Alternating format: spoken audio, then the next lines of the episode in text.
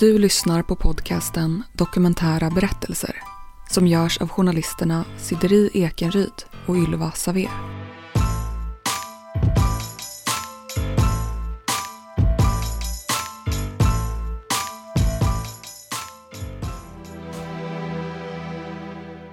Under 70 och 80-talet var antalet adoptioner från utlandet som allra högst i Sverige.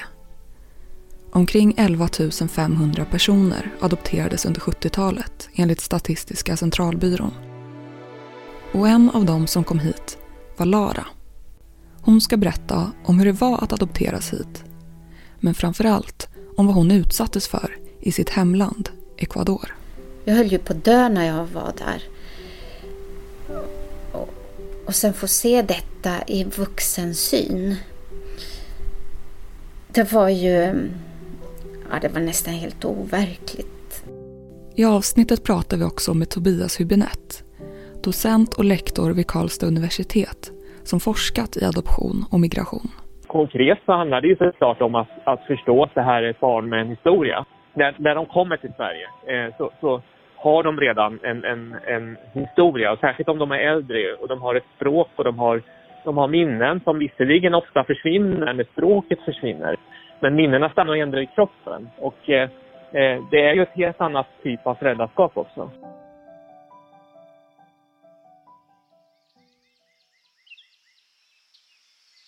Lara växer upp i en by i bergen Chimborazo i Ecuador tillsammans med sju äldre syskon. Hennes mamma går bort i cancer när hon bara är ett år gammal. Min, eh, min pappa eh, tog sorgen genom att eh, eh, drick, börja dricka. Perioder var han ju borta i flera veckor och flera månader. Och vi, eh, vi barn fick då klara oss själva. Resultatet av det blev ju att vi fick ju gå och tigga mat och klara oss själva. Och det var ju, det var ju ohållbart. Så till slut så började eh, våra, vår pappa då att lä lämna våra, mina syskon då till eh, släktingar och, eh, och eh, mig lämnade han in till barnhem för att ingen ville ha mig då. Vid två års ålder lämnas hon in på det katolska barnhemmet i staden Riobamba, några mil hemifrån. Jag var ju bland de första barnen som hamnade på barnhem. Det hade ju inte funnits barnhem tidigare. Ehm, och sen efter ett tag så började jag ju droppa in barn och sådär och det kom en, en tjej som hette Josselina som var i min ålder och hon och jag blev ju bästa kompisar och gjorde mycket, allt på barnhemmet. På barnhemmet fick vi ju eh, hjälpa till mycket med hushållssysslorna och laga mat och tvätta kläder. Som vi oftast gjorde för hand med en sån där jätte... En mm, tvål kan man väl säga. Som vi skrubbade kläderna med. Och eh, vi lagade mat. När det kom in något eh, barn som var yngre än oss själva så fick vi hjälpa till att sköta dem. Det jag minns så var det sällan jag såg personalen men när de väl var där så var de ju kanske där och, och eh, även fixade med maten. Och, eh, eh, barnhemsföreståndaren såg man ju rätt mycket. Mm, mellan henne och barnen var det ju bra men sen så var det ju personal som, mm, personal som eh, såg ner på oss barn som eh, tyckte att vi var mindre värda och tyckte att vi skulle misshandlas lite och, och eh, såg ner på oss. Och,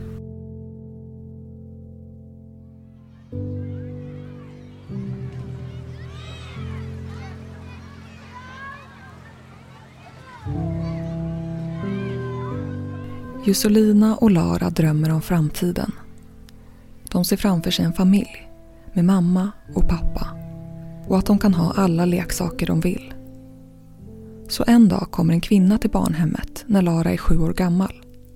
Hon heter Rut och är utbildad inom psykologi en så kallad doktora.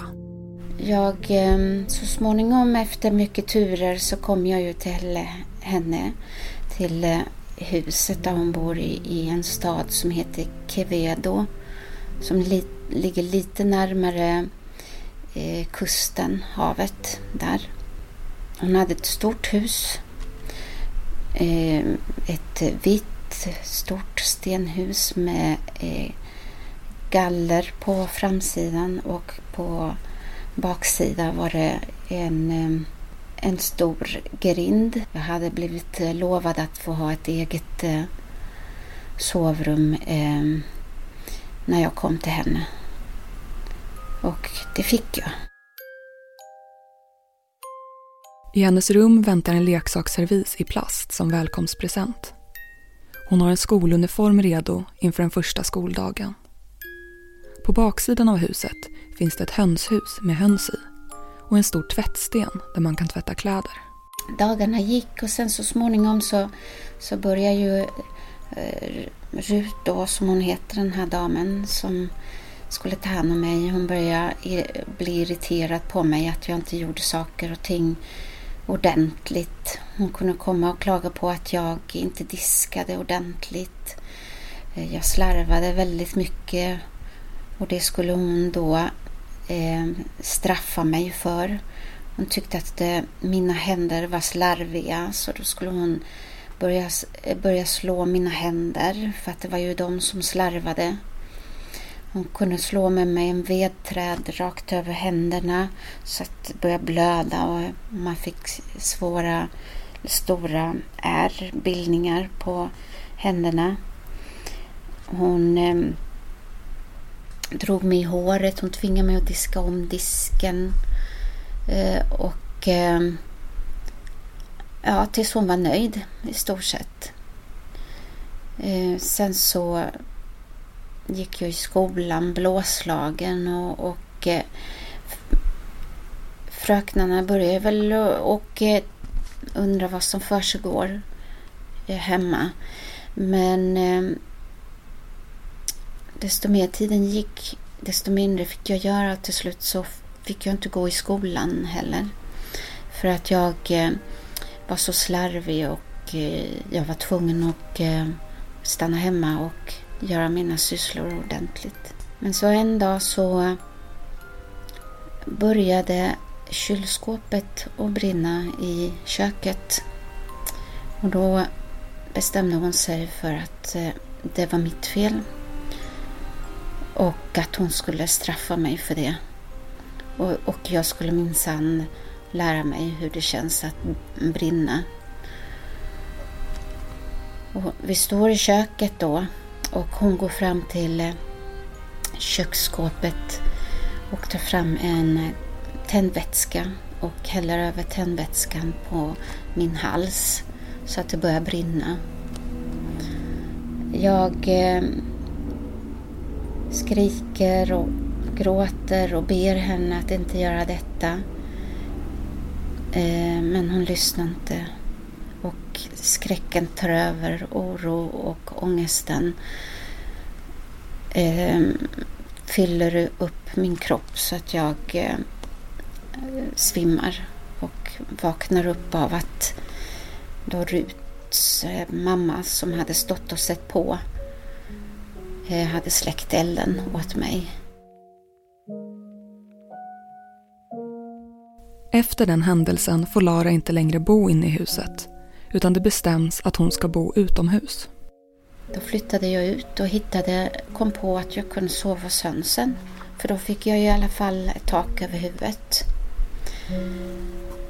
Så där satt jag och sov och kände ändå att jag hade nog ändå kommit på ett rätt så bra plats att sova. Jag kunde stänga om mig och jag hade tak över huvudet. Och jag hade ändå lite sällskap av hönsen. Där kunde jag ju sitta och, och eh, fråga hönsen om varför det blev så här och, och eh, prata med dem. Det blev ju till slut min lilla familj, hönsen. Ibland kunde jag vara arg på dem för att de var så ettriga och inte var tysta. Ja. Och eh, på dagarna så fick jag eh, kunde jag vara ute i, i utegården och så fick jag gå in när jag skulle städa och laga mat åt dem och, och så. Hade vid ett tillfälle när jag stod ute och tvättade kläderna också hunnit och blivit väldigt arg för att jag var slarvig och inte tvättade kläderna ordentligt. Då hade hon ju hunnit och eh, piska mig med piska. Hon hade hunnit eh, dra mig i håret och eh, stått och sparkat på mig och tvingat mig att tvätta om och om och om igen de här kläderna. Tills jag inte orkade längre.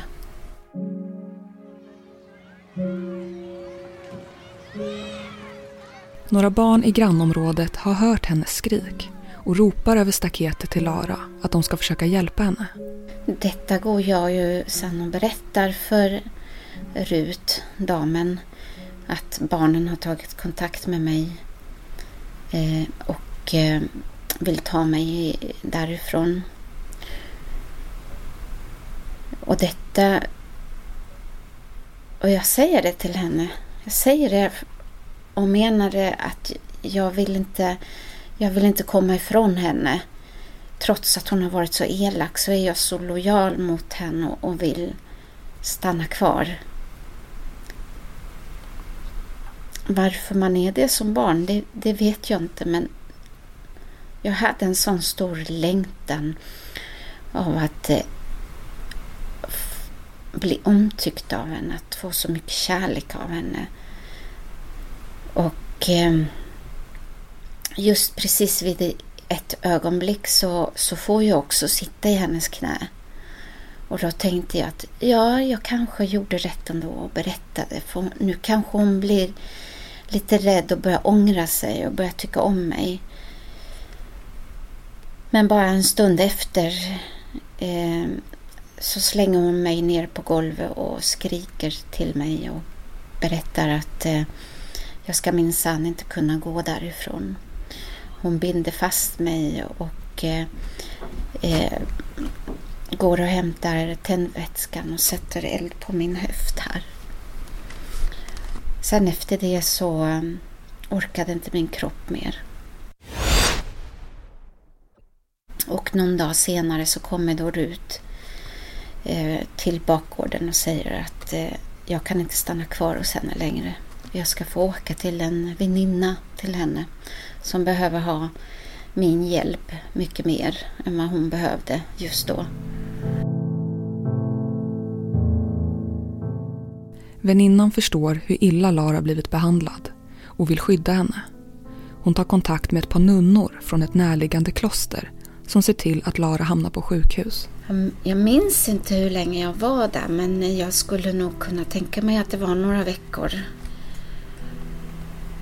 som jag då får eh, eh hjälp med mina sår. Och, och jag hade ju så, såklart då fullt med, med eh, Eh, var i kroppen fortfarande så att jag skulle nästan kunna tänka mig att det var på väg att kunna bli någon förgiftning i kroppen. När jag hade tillfrisknat tillräckligt eh, mycket på, i sjukhuset så fick jag komma tillbaka till eh, nunnorna då. Och det var ju nog bara några dagar efter att jag kom hem ifrån sjukhuset. För det var ju ohållbart att ett barn skulle vistas på ett kloster. Men under tiden jag hade varit på sjukhuset så hade då de här nunnorna forskat och kollat runt lite grann var jag kom ifrån och hade då hittat mitt barnhem där jag kom ifrån början. Och dit skulle jag ju tillbaka. Det var det bästa de hade kunnat fixa för mig att få komma tillbaka till mitt eget barnhem.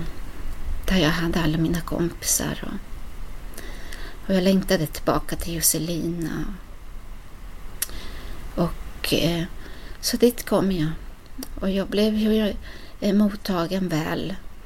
Men eftersom jag fortfarande var väldigt känslig och infektionskänslig eh, och sånt så fick jag inte sova bland mina andra tjejkompisar utan jag fick sova uppe på loftet på en madrass. Alldeles ensam. Jag behövde den tiden också för mig själv. Josselina hade då eh, blivit hämtad av sina föräldrar så att hon var ju inte heller kvar. Så det blev inte samma sak att få komma tillbaka till barnhemmet som det var innan. Barnhemmet anmäler Rut för misshandel. Men de vågar inte låta Lara vara kvar för länge ifall Rut ska komma tillbaka och leta efter henne. De påbörjar en adoptionsprocess och hittar en familj i Sverige som vill adoptera henne. Advokaten som tar hand om processen låter henne bo hos honom i väntan på flytten. Processen tog väl två, tre månader innan allt var klart med alla papper och sånt där. Och jag eh, får då flyga ifrån huvudstaden Quito med advokaten till Stockholm, Stockholm Arlanda. Och där möttes jag av mina adoptivföräldrar. Antalet utlandsadoptioner, för de vi talar om. Vi hör Tobias Hübinette, docent och lektor vid Karlstad universitet. Vi vill veta mer om adoption i Sverige och hur de som adopterades hit på 70-talet mår idag. Eh, och då handlar det om eh, knappt 200 sådana adoptioner per år numera. Och det är då en kraftig eh, minskning jämfört med låt säga 10 år sedan när det var närmare 1000. Och innan dess så var det dubbelt så mycket, alltså på 80-90-talen och ännu mer på 70-talet. Eh, ja, som mest var det över 2000 vissa år. Eh, det var så många att det handlade om eh, ja, över en procent, närmare 2 procent av hela årskullar. Eh, vilket innebar att eh, ja, adopterade var eh, en betydande del av hela den faktiskt utomeuropeiska invandringen till Sverige under de här decennierna. Att det är så många färre adoptioner idag beror på att de tidigare ursprungsländerna själva blivit rikare med en växande medelklass. Men också att den medicinska tekniken utvecklats. Eh, och eh, de här olika medicinska teknikerna, de har då följt på varandra kan man säga. Det, man kan säga att det började, det, inte bara man kan säga, det började med provrörsbarn. Sedan kom eh, en, en äggdonation och spermadonationsbarn. Eh, och nu finns också surrogatbarn. Eh, och alla de här andra teknikerna har då, kan man säga, mer eller mindre kommit att ersätta utlandsadoptioner.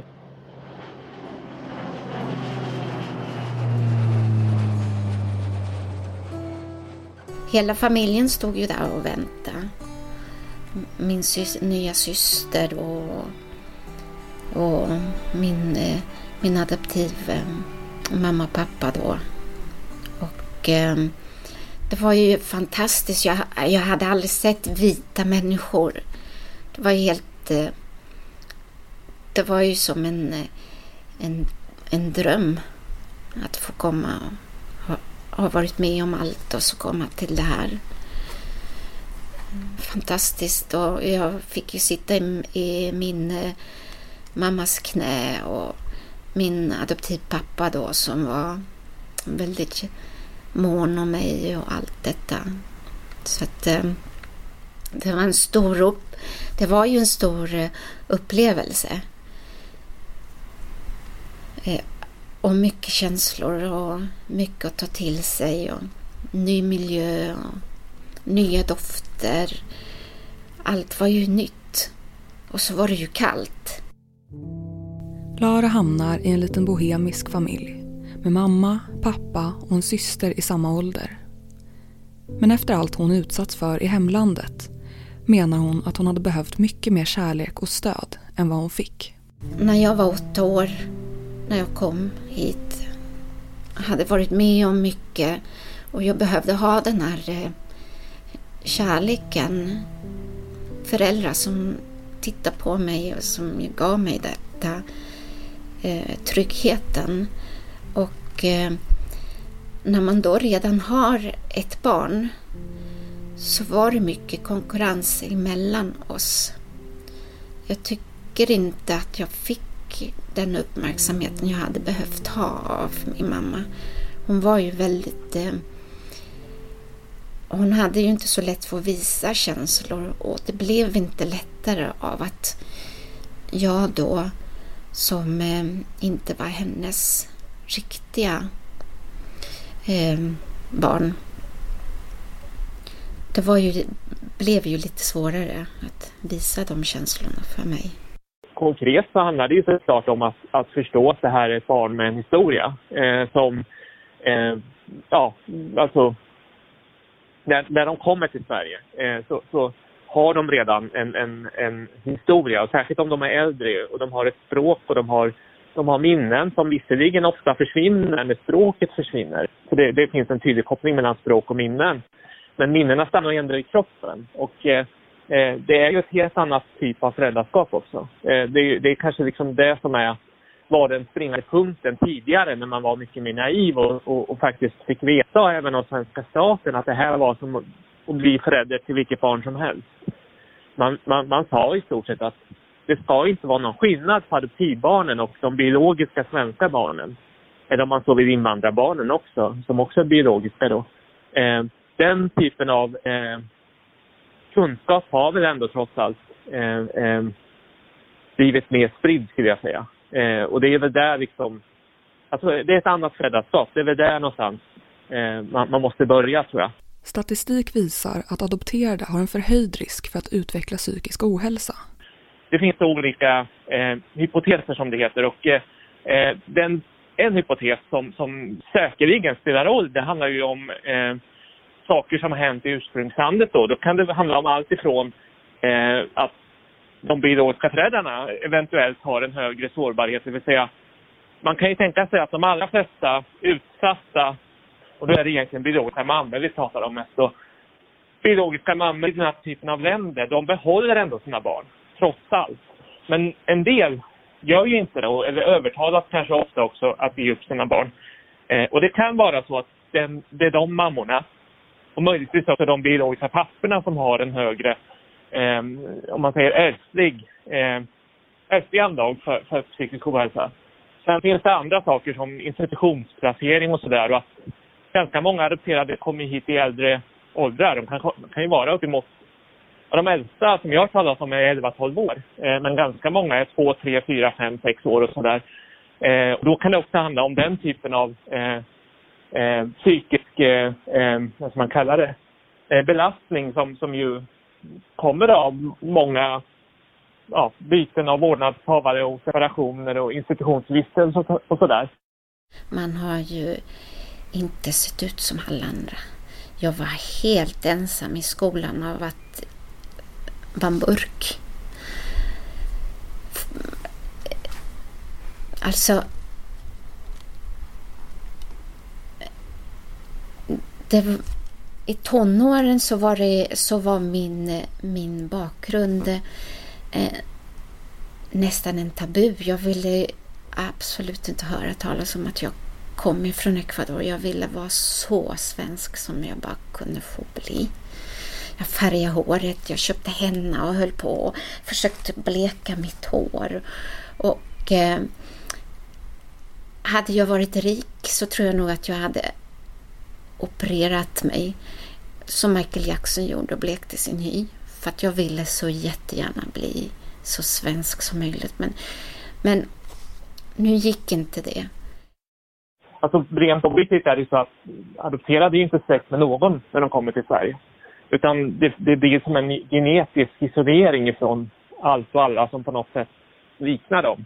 Och där ingår också att de också ser annorlunda ut. Och då, det kallar jag ju ras då, det vill säga det handlar ju också om att de, de utseendemässigt sticker av helt och hållet ifrån den omgivning som de befinner sig i. Eh, och eh, eftersom nästan alla adopterade växer upp bland majoritetsbefolkningen. Det är väldigt få adopterade, om ens några, som växer upp i förorten om man säger så. Eh, så det är liksom, ja. För att sammanfatta det så finns det hypoteser som rör tiden innan adoptionen och hypoteser som rör tiden efter adoptionen. Och det är liksom en kombination då som, som på något sätt då tyvärr fäller allt så många adopterade när åren går. Idag har Lara en bra relation med sin adoptivpappa och syster. Men hon tror inte att det är en bra kombination att adoptera ett barn om man redan har ett biologiskt. Nu idag hade jag nog inte rekommenderat folk som har egna barn att adoptera andra, för det blir inte jag tror inte av egen erfarenhet att man kan ge den kärleken som man behöver. Den, den uppbackningen och den... Eh, man behöver ju ha uppmärksamhet. Ja, jag tror att det nästan är omöjligt om man, om man är förälder och har ett eget biologiskt barn och sen adopterar ett barn, eller vice versa. Det är som sagt det vanligaste att man först adopterar och sen får egna barn. Så är det ju jättesvårt att eh, liksom ignorera det genetiska bandet. För det, det, även om vi inte vill prata om de här sakerna, nu gör vi det i och för sig mer än vad vi gjorde förut, men, men det här med liksom hur vi ser ut och det är ju inte bara någonting, alltså att vi ser ut som våra föräldrar, det fattar ju alla, men det är ju liksom inte bara till det yttre, till skalet, utan det är ju också till det inre när det gäller mentalitet och karaktärsdrag och annat. Eh, och det, det blir jättesvårt för adopterade då, som, som är helt och hållet annorlunda eh, både liksom till det yttre och till det inre. Att, att eh, eh, ja, det blir liksom, det blir nästan som att de adopterade blir som fosterbarn i den typen av familjer skulle jag gissa. Eh, det är kanske en hemsk jämförelse, eh, men, men jag skulle tänka mig att, att det kan bli så. Laras föräldrar skiljer sig när hon går i grundskolan. Hon flyttar hemifrån tidigt och börjar jobba. Och när hon är 26 år bestämmer hon sig för att åka tillbaka till Ecuador. Främst för att se barnhemmet igen och kanske för att träffa något syskon. Alla människor och trafiken och dofterna som jag hade glömt av eh, när man går på gatan. Och sen så tar vi in på hotellet och eh, går en liten runda efter en lång, dag, en lång restur på, på planet. Och så helt plötsligt så upptäcker jag att nej men herregud, jag, hör, jag tillhör ju inte det här heller. Bara, det bara flög över mig hur, ja men ditt sätt är inte samma. Du är ju så svensk så det går ju knappt att, du kan ju inte jämföra dig med dem. Det var faktiskt en rätt så häftig känsla att där hade jag åkt så långt för att känna mig som alla andra. Men jag gjorde inte det. Hon åker till Riobamba. Barnhemmet hon växte upp i finns inte kvar, utan det har byggts ett nytt. Den här resan var ju egentligen inte att jag skulle söka mina rötter. Utan det, det, var mest att jag skulle åka till Ecuador för att känna mig lite hemma och hitta mina egna rötter lite grann och se om jag kunde lokaliseras med folket och så. Eh, men så när vi, när vi var i, på barnhemmet där och det gick så lätt. Det var, det var en av personalen som bodde i samma by som mina syskon som kände alla mina syskon som visste mycket väl vem jag var och allt. Hon kom och sa att jag kan fixa så att de kommer och träffa dig. Vi kommer in i, i den här stora salen i barnhemmet och möts av att det är fullt med folk där. Då hade då var alla mina syskon där och det är sju syskon. Jag är ju det åttonde barnet yngst. Alla deras män, eh, deras barn, mina kusiner, mina fastrar, mina mostrar. Ja, jag tror att det var 30 pers där. Och du vet, man kommer ifrån Sverige, man är ju lite, lite försiktig och kanske inte så där jättevan vid att folk ska ta på en. Det blir lite mycket. Hon stannar med sin släkt ett par veckor för att sen bestämma sig för att besöka Rut. Men när hon knackar på dörren till det stora vita huset visar det sig att Rut inte bor kvar där. Hon lever inte längre. Men Lara får gå in och titta. Och, och bara det här med Alltså stå i bakgården och veta att man höll på att mista livet av... Jag höll ju på att dö när jag var där. Och, sen få se detta i vuxen syn. Det var ju... ja, det var nästan helt overkligt att man hade varit med om så mycket skit där bak på bakgården. Sen någonting också som jag la märke till, det var liksom att när jag var liten och bodde där, då var den här bakgården gigantisk stor. Och nu, hade, nu var den ju så liten och jag fattar inte hur kunde jag tycka att det var så stort förut. Det var ju inte alls stort. Jättekonstigt. Och sen eh, men hönshuset, eh, dörren till hönshuset, det fanns ju kvar och den här tvättstenen som jag har stått och tvättat och skrubbat alla de här stora kläderna som jag tyckte då, den fanns ju också kvar. Allting var kvar. Tvättlinorna där, där jag hade hängt upp kläderna, det var kvar. Allt. Idag har hon kontakt med sin släkt i Ecuador över Facebook. Men hon upplever inte att de är särskilt nära trots sina biologiska band. Också någonting som är för oss adopterade att vi, vi, vi har ju inte vuxit upp med dem. För oss så är de ändå som vem som helst.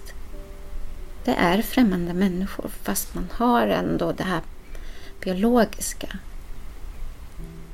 Tyvärr, det låter kanske hårt att säga det men det finns ju inget det uppstår en massa krav från den biologiska släktens sida som, som de adopterade inte klarar av att uppfylla. Och det beror på allt ifrån språkförbistring till kulturella skillnader och inte minst då eh, när det gäller kulturella skillnader så är det just de här förväntningarna på vad som är, alltså blodet är heligt för dem liksom.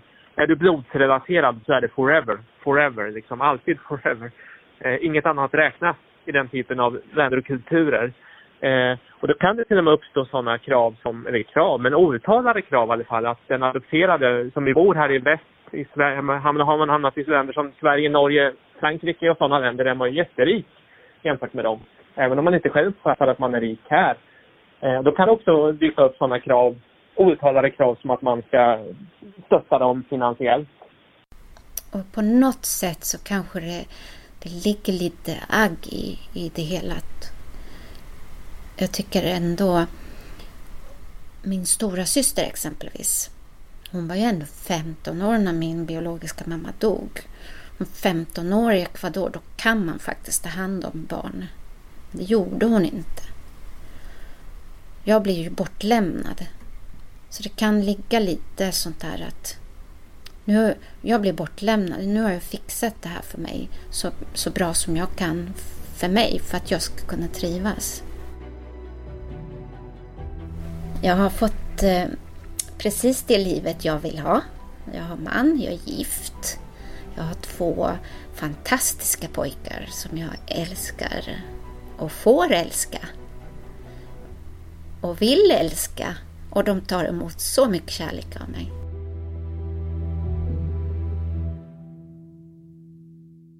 Du har lyssnat på avsnittet om adoption. Vill du dela med dig av din livshistoria Mejla oss på kunskapsstudion gmail.com